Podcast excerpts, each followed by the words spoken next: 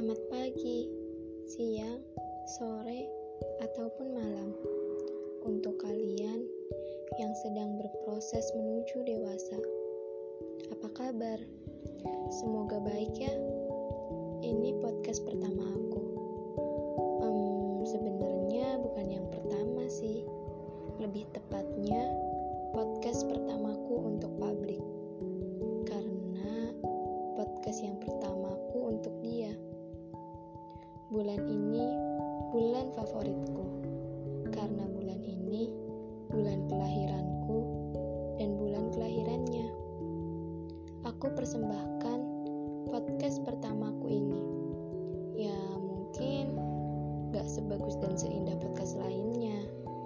Tapi semoga ini menjadi awal yang baik.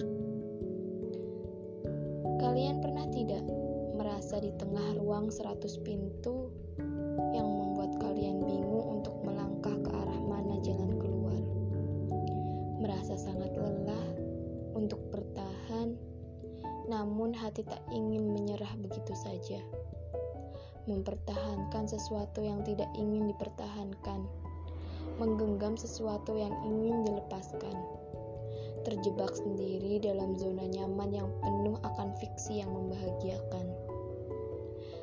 Tapi kini tersadar bahwa ada fakta yang melambai ada fakta yang ingin memeluk kita dengan derai air mata.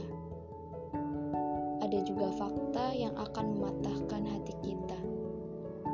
Tapi kita terlalu naif untuk percaya pada fakta dan terus hidup dalam dunia fiksi yang seharusnya hanya ada di kepala.